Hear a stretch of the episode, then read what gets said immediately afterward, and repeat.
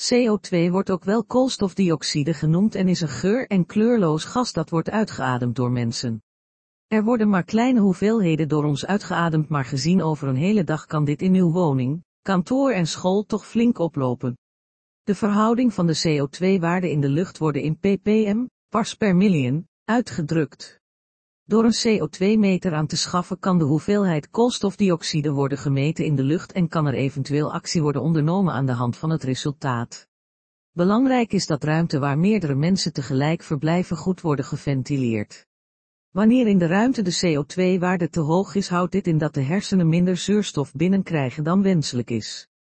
Een CO2-waarde die te hoog is kan leiden tot slechte concentratie, verergering van allergieën, een snellere verspreiding van virussen zoals ook het coronavirus en hoofdpijn.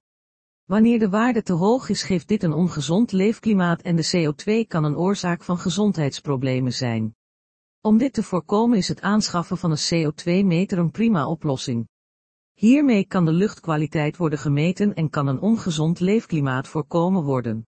Een CO2-meter geeft nauwkeurig aan hoeveel koolstofdioxide in de ruimte aanwezig is. Zodra er een gevaarlijk hoge CO2-concentratie in de ruimte aanwezig is zal de meter alarm slaan.